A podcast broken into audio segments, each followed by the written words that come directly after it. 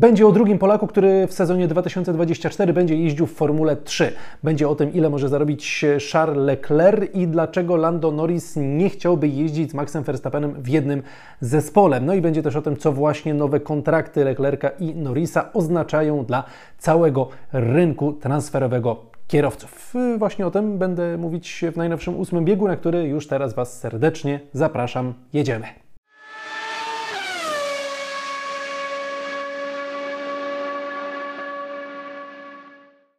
Partnerem ósmego biegu jest wypożyczalnia samochodów Odkryj Auto. No kochani, sporo się wydarzyło w ostatnich e, dniach. Nowe kontrakty Norrisa i Leclerca. Od razu Was e, proszę o to, abyście dali znać w komentarzach, co myślicie o decyzjach i tych kierowców i zespołów, czy to dobre decyzje, czy może Leclerc albo Norris powinni byli zerkać w nieco inną stronę, albo ich zespoły powinny były zatrudnić kogoś innego. Ja za chwilę przejdę do tych tematów. Na początek słuchajcie, e, świetna informacja dla e, tych, którzy już szykują się na sezon F3 z udziałem Kacpra Sztuki. Informacja świetna, bo nie tylko Kacpra będziemy w Formule 3 w tym sezonie oglądać.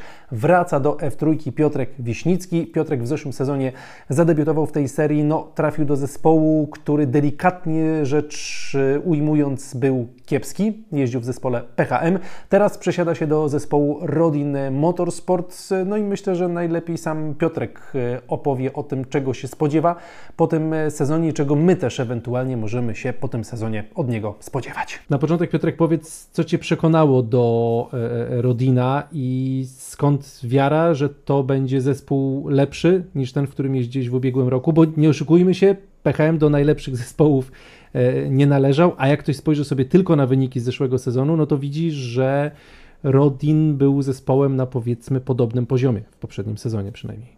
Znaczy PHM był y, pod względem poziomu wybitnie tragiczny z tego względu, że my wcześniej sugerowaliśmy się, że oni, jakie wyniki oni mieli we, we w czwórce i w regionalu i ja się nie spodziewałem też dołączając do tamtej ekipy, że oni po prostu przeniosą inżynierów ze w czwórki do, do, do F3 i po prostu będą się, się tego uczyć, więc y, było jak było.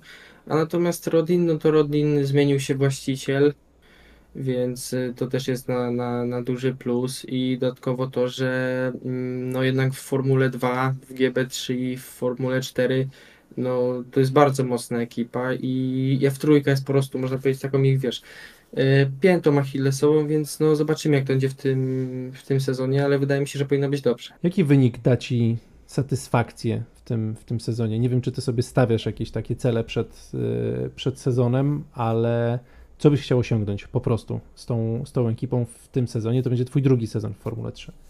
Znaczy drugi, no taki półtora, nie? bo tamten jednak był w połowie.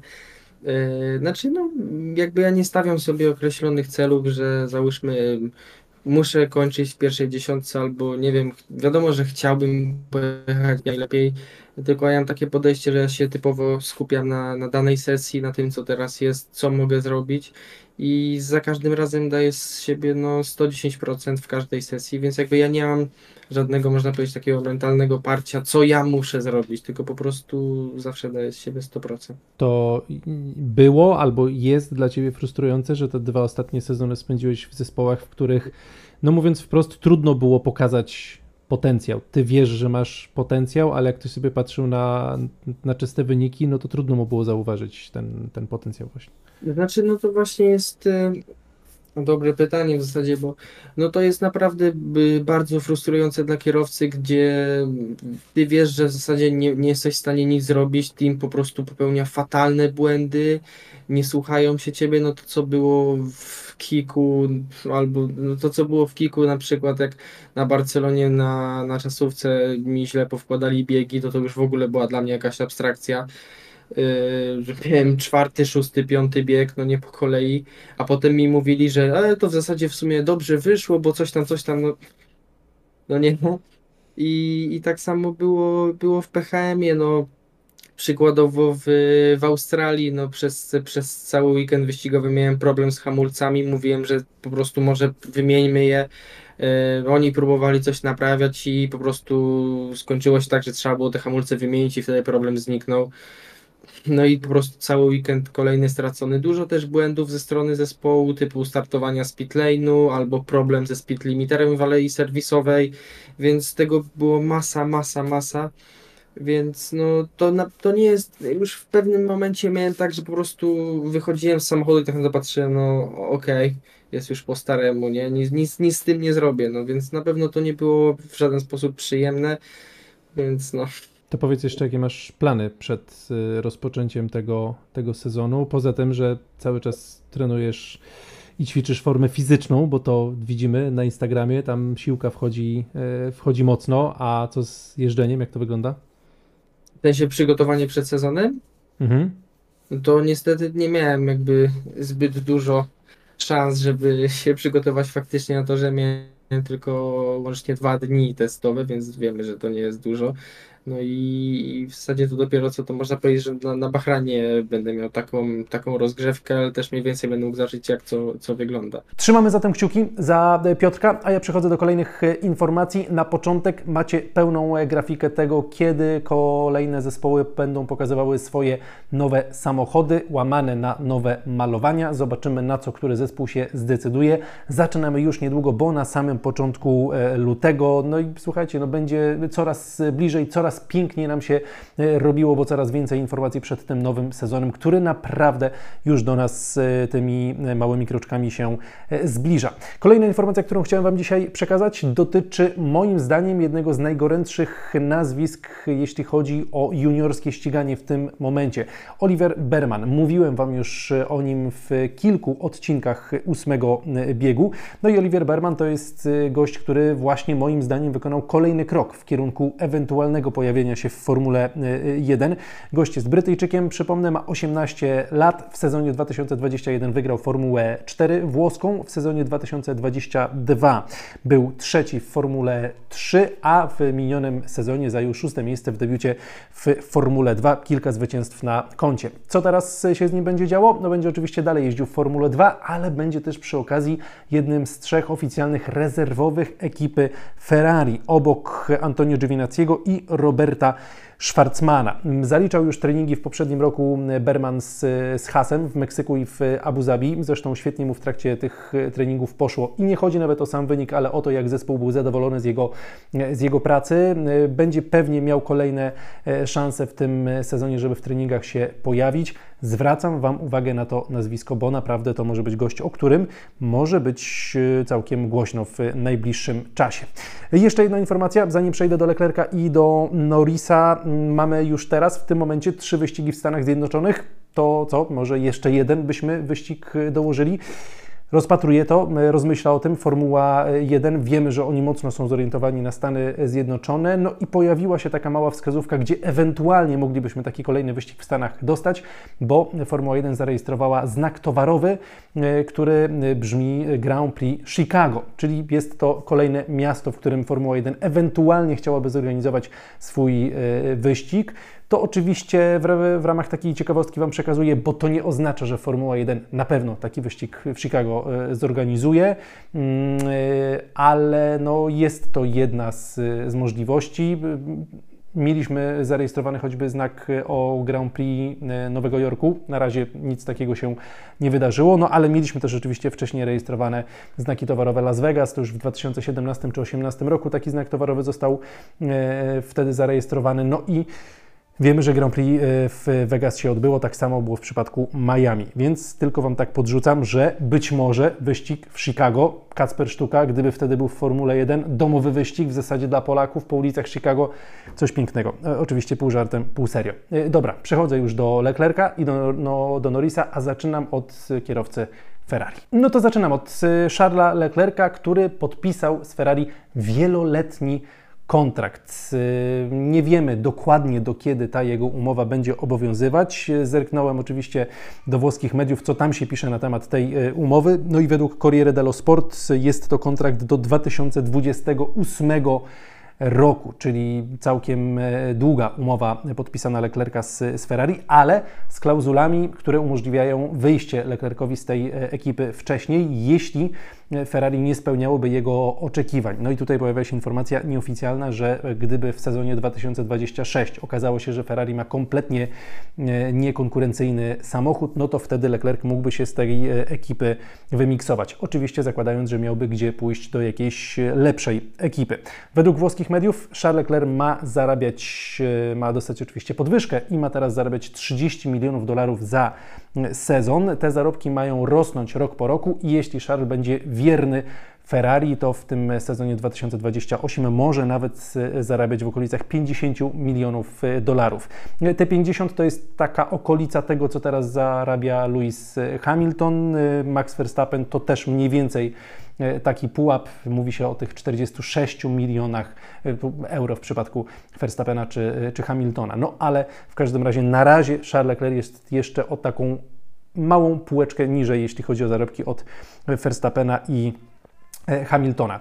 E, czy ma to sens, ta nowa e, umowa Leclerca z, z, Ferrari? No, dla Leclerca ma to sens, bo jest to człowiek, który bardzo wierzy w Ferrari, który dobrze się w tej ekipie czuje, który ma świetnego szefa, który, z którym zna się od lat wielu. Mowa oczywiście o Fredzie Wasserze. On czuje też to wsparcie z ekipy i wie, że Ferrari też wierzy w Charlesa Leclerca i nawet jeśli nie mówią tego wprost w, w mediach i nie zawsze to pokazują, to Wydaje mi się, że Charles ma świadomość, że to on może być takim zdecydowanym po prostu numerem jeden w tej e, ekipie w najbliższym, e, w najbliższym czasie. No i słuchajcie, no koniec końców, on jest kierowcą Ferrari. To jest marzenie wielu e, zawodników. On wierzy, że to Ferrari w końcu odpali, że w końcu będzie miało samochód, którym da się powalczyć o tytuł mistrza świata. I ja myślę, że prędzej czy później tak będzie, no bo jest jakiś cykl życia Ferrari i w końcu w tym cyklu się ta walka o mistrzostwo pojawia. Kiedy to będzie i czy Charles do tego czasu nie osiwieje, nie wiem, no ale czy miał Charles jakieś lepsze wyjścia, jakieś lepsze decyzje do, do podjęcia? Mercedes, nie wiadomo, czy w ogóle tam będzie jakiekolwiek e, e, miejsce. Red Bull, nawet gdyby go tam chcieli, gdyby zwolniło się miejsce obok Maxa Verstappena po kolejnym e, sezonie, czy to jest dla niego najlepsze wyjście w tym momencie? No nie do końca, bo po pierwsze jeździsz obok Maxa Verstappena, a po drugie, no nie wiesz, co się będzie działo od sezonu 2026, czy to wtedy Ferrari nie będzie miało dominującego samochodu, a Red Bull będzie trochę e, z tyłu. Pozostałe ekipy, mm, Audi, no gigantyczne ryzyko, bo nie wiadomo, co się z nimi będzie e, działo, Aston Martin e, to samo, no nie ma tak naprawdę, no, McLaren no nie, nie. Myślę, że dla, dla Charlesa Leclerca Ferrari to jest w tym momencie po prostu najlepsza e, opcja, bo to też e, jednak chodzi o to, żeby po prostu w ekipie, w której się jest e, i w której myśli się o tym, żeby walczyć o duże cele, żeby się dobrze czuć. A Charles, mam wrażenie, w Ferrari czuje się kapitalnie. No i też Ferrari mu to pokazuje takim kontraktem, że hej, my o Ciebie dbamy, my Ciebie chcemy, my naprawdę e, chcemy razem z Tobą robić tutaj e, wielkie rzeczy. Pytanie, słuchajcie, co z Carlosem Saincem? Pojawiały się informacje, że Ferrari chciałoby mu dać roczny kontrakt, czyli na sezon 2025 zaledwie. E, a Carlos Sainz chciał mieć kontrakt dłuższy, co najmniej na sezony 2025 i 2026. Na razie ta jego obecna umowa obowiązuje do końca tego obecnego e, roku. No ale Ferrari miało sobie ponoć robić furtkę, miało chcieć sobie zrobić furtkę, gdyby Lando Norris był wolny, no to może by sobie tego Lando Norrisa obok Leclerca wzięli wtedy na sezon 2026, no ale teraz już wiemy, że tak nie będą w stanie zrobić, o Norrisie powiem za chwilę, więc niewykluczone jest, że ta nowa umowa dla Carlosa Sainza jest coraz bliżej i niewykluczone, że to będzie po prostu dwuletnia umowa dla, e, dla Sainza, no bo kogo realnie mieliby zamiast tego Sainza dużo lepszego, dużo lepszego, podkreślam, ściągnąć na sezon 2026? Kogoś, kto swoim wielkim talentem zrównoważyłby doświadczenie Carlosa obecne w tej ekipie? Nie wiem, nie przychodzą mi takie nazwiska w tym momencie do e, głowy. Tyle o Ferrari. Dajcie znać, co wy myślicie o tym e, układzie na kolejne lata Leclerc i Ferrari, a ja przechodzę do Lando Norrisa. Czyli człowieka, który był jednym z najgorętszych nazwisk, jeśli chodzi o cały rynek transferowy, bo dużo mówiło się o tym, że on może przejść rzeczywiście do e, Red Bulla i być partnerem Maxa Verstappena od sezonu 2025. Wiemy, że to już się nie wydarzy, bo Lando Norris znowu, tak jak w przypadku Ferrari, podpisał wieloletnią umowę z McLarenem, ale nie mamy dokładnego określenia, e, jak długa ta umowa Lando Norrisa z McLarenem jest. Poprzedni kontrakt jego obowiązywał do sezonu 2025. Mówi się o wieloletnim kontrakcie, no więc co najmniej te dwa kolejne lata sobie dokładamy, czyli 2026 i 2027. Dlaczego Lando Norris na to się zdecydował? On sam mówi wprost. Zadałem sobie dwa pytania, czy będzie mi się podobało i czy podoba mi się tu, gdzie w tym momencie jestem i czy ekipa e, jest e, w stanie e, spełnić mój cel, pomóc mi zrealizować ten cel, którym jest zostanie mistrzem świata Formuły 1. Odpowiedź na te pytania według Lando Norrisa to dwa razy tak, więc Lando Norris tak jak Charles Leclerc, i tutaj mamy sporo jakby podobnych y, jakichś takich sytuacji, też wierzy bardzo mocno w y, McLarena. Ja przypomnę, Lando Norris, choć cały czas jest bardzo młodym kierowcą, on już 5 lat spędził w McLarenie i naprawdę bardzo dobrze w tej ekipie już tak osiadł, bardzo dobrze się w niej czuje i ta ekipa też czuje miętę, podobnie jak Ferrari do Charlesa Leclerca, tak samo McLaren czuje miętę do Lando Norrisa. No i znowu, tak samo jak w przypadku Charlesa Leclerca, inne opcje. E, Ferrari? No, może tak, może nie, może to by była lepsza e, opcja, ale znowu w McLarenie, tak jak Leclerc u siebie w Ferrari, tutaj ma wszystko Lando Norris wokół siebie praktycznie od już paru lat e, budowane. Mercedes, znowu, no nie wiadomo, co tam się będzie działo i z Hamiltonem, i z Russellem. Aston, nie wiadomo, ryzyko. Audi, ryzyko. Red Bull. Jeżdżenie obok Maxa Verstappena, e, zostało to zapytane. Lando Norris w telewizji Sky e, został zapytany wprost, czy boi się jazdy obok Maxa Verstappena w jednym zespole. I bardzo ciekawie Lando Norris na to odpowiedział. Max Verstappen jest w zespole, w którym czuje się bardzo komfortowo. Wiele rzeczy zbudowano wokół niego, więc nawet dla Maxa sprzed kilku lat starcie z tym obecnym Maxem byłoby ekstremalnie trudne. I to nie jest kwestia strachu. Myślę, że nigdy nie będę się bał rywalizacji z kimkolwiek, ale pytanie, czy jeśli wchodzisz do takiego zespołu, to czy jesteś w stanie od razu z kimś rywalizować? Czy czujesz się z tym komfortowo? Myślę, że każdy kierowca odpowie nie. Trzeba czasu na adaptację, a jeśli chcesz rywalizować z najlepszym kierowcą świata, to nie jest to po prostu optymalne rozwiązanie. To nie jest mądry ruch. E, tak mówił Lando Norris i ja się z nim zgadzam. Wystawianie się na rywalizację z Maxem Verstappenem to po pierwsze jest bardzo duże ryzyko, e, bo tak jak mówi Lando, ten zespół jest zbudowany wokół, e, wokół Maxa i to jest ekstremalnie trudne zadanie. Plus to jest podwójne ryzyko, bo nie tylko masz ryzyko tego, że wchodzisz do jaskini lwa, no a druga sprawa, ok, Red Bull w tym momencie dominuje, ale znowu, czy będzie dominował od sezonu 2026? Nie mamy takiej wcale pewności. Może to McLaren będzie dominował od sezonu 2026. To nie jest jakieś kompletne science fiction, więc jeśli ma tutaj bezpieczną e, i komfortową dla siebie przestrzeń Norris, no to dlaczego miałby w niej nie zostawać? Dla McLarena oczywiście cudowny ruch. Chcieli sobie zagwarantować spokój, chcieli mieć bardzo mocny skład i taki skład teraz mają. Dwie młode, bardzo szybkie petardy po prostu. Norris i Oscar Piastri mają święty spokój na najbliższe e, lata i to na pewno Zaka Brauna bardzo cieszy. Dobra, to zerknijmy, słuchajcie, na rynek kierowców. Jak to w tym momencie e, wygląda? No sytuacja jest e, całkiem ciekawa i po tym sezonie i w trakcie tego sezonu będzie na pewno trochę ogłoszeń co do przyszłości poszczególnych zawodników. Ten jeden z najbardziej gorących foteli, no to będzie oczywiście fotel Sergio Pereza. Jeśli on nagle nie wystrzeli z jakąś fantastyczną formą, no to prawdopodobnie po sezonie 2024, tak jest moje podejrzenie, pożegna się z E, Red Bullem. Wydawało się, że może jego miejsce zajmie Lando Norris, no ale odpada nam z tej rywalizacji. To kto w takim razie Waszym zdaniem za, e, za Pereza? Alex Albon może to jest dobra opcja, powrót do tej e, ekipy, ale powrót już jako dużo bardziej dojrzały i też jednak mam wrażenie bardziej pewny siebie kierowca. Oczywiście mi najbardziej pasowałby Fernando Alonso i wszyscy chyba się zgodzimy, że chcielibyśmy to zobaczyć, ale też wszyscy zgodzimy się z tym, że raczej to się nie wydarzy. Może Daniel Ricardo, jeśli pokazałby się z dobrej strony w tym sezonie 2024, to jest na pewno jedna z opcji, którą Red Bull e, rozważa. No jeśli nie Albon, jeśli nie Ricardo, może Pierre Gasly, powrót do Red Bulla, choć e, to mi się wydaje mniej prawdopodobny niż taki powrót Alexa e, Albona. E, Lewis Hamilton i Mercedes, no podejrzewam, że Mercedesie obu kierowców przedłużą na sezon 2026. Czekamy, co z Carlosem e, Saincem. Podejrzewam, że ostatecznie ten kontrakt dwuletni z Ferrari e, podpisze. Fernando Alonso, nie sądzę, że czymś nas zaskoczy. Podejrzewam, że zostanie w Astonie Martinie, ale to jest Fernando Alonso i niczego w jego przypadku nie można być pewnym. No i co do kierowców Alpine, Williamsa, Visa Cash App RB Formula One Team Zaubera, łamanego na Stake F1 Team i Hasa, no to tutaj będzie bardzo ciekawie, bo tutaj po prostu będą przetasowania. Myślę, że Logan Sargent po tym sezonie wypadnie, Guan Yu też może wypaść, Kevin Magnussen może nam z tego wypaść, mogą powchodzić jakieś nowe nazwiska, kto wie, może ten Oli Berman będzie gdzieś tam y, na, na orbicie na przykład takiego Hasa się y, kręcił. Tutaj na pewno się będzie sporo, sporo działo i będziemy w tych najbliższych miesiącach o przyszłości tych zawodników sporo się dowiadywali. A ode mnie na dzisiaj, słuchajcie, to już wszystko bardzo Wam dziękuję. Widzimy się za parę dni, a tymczasem cześć, kłaniam się.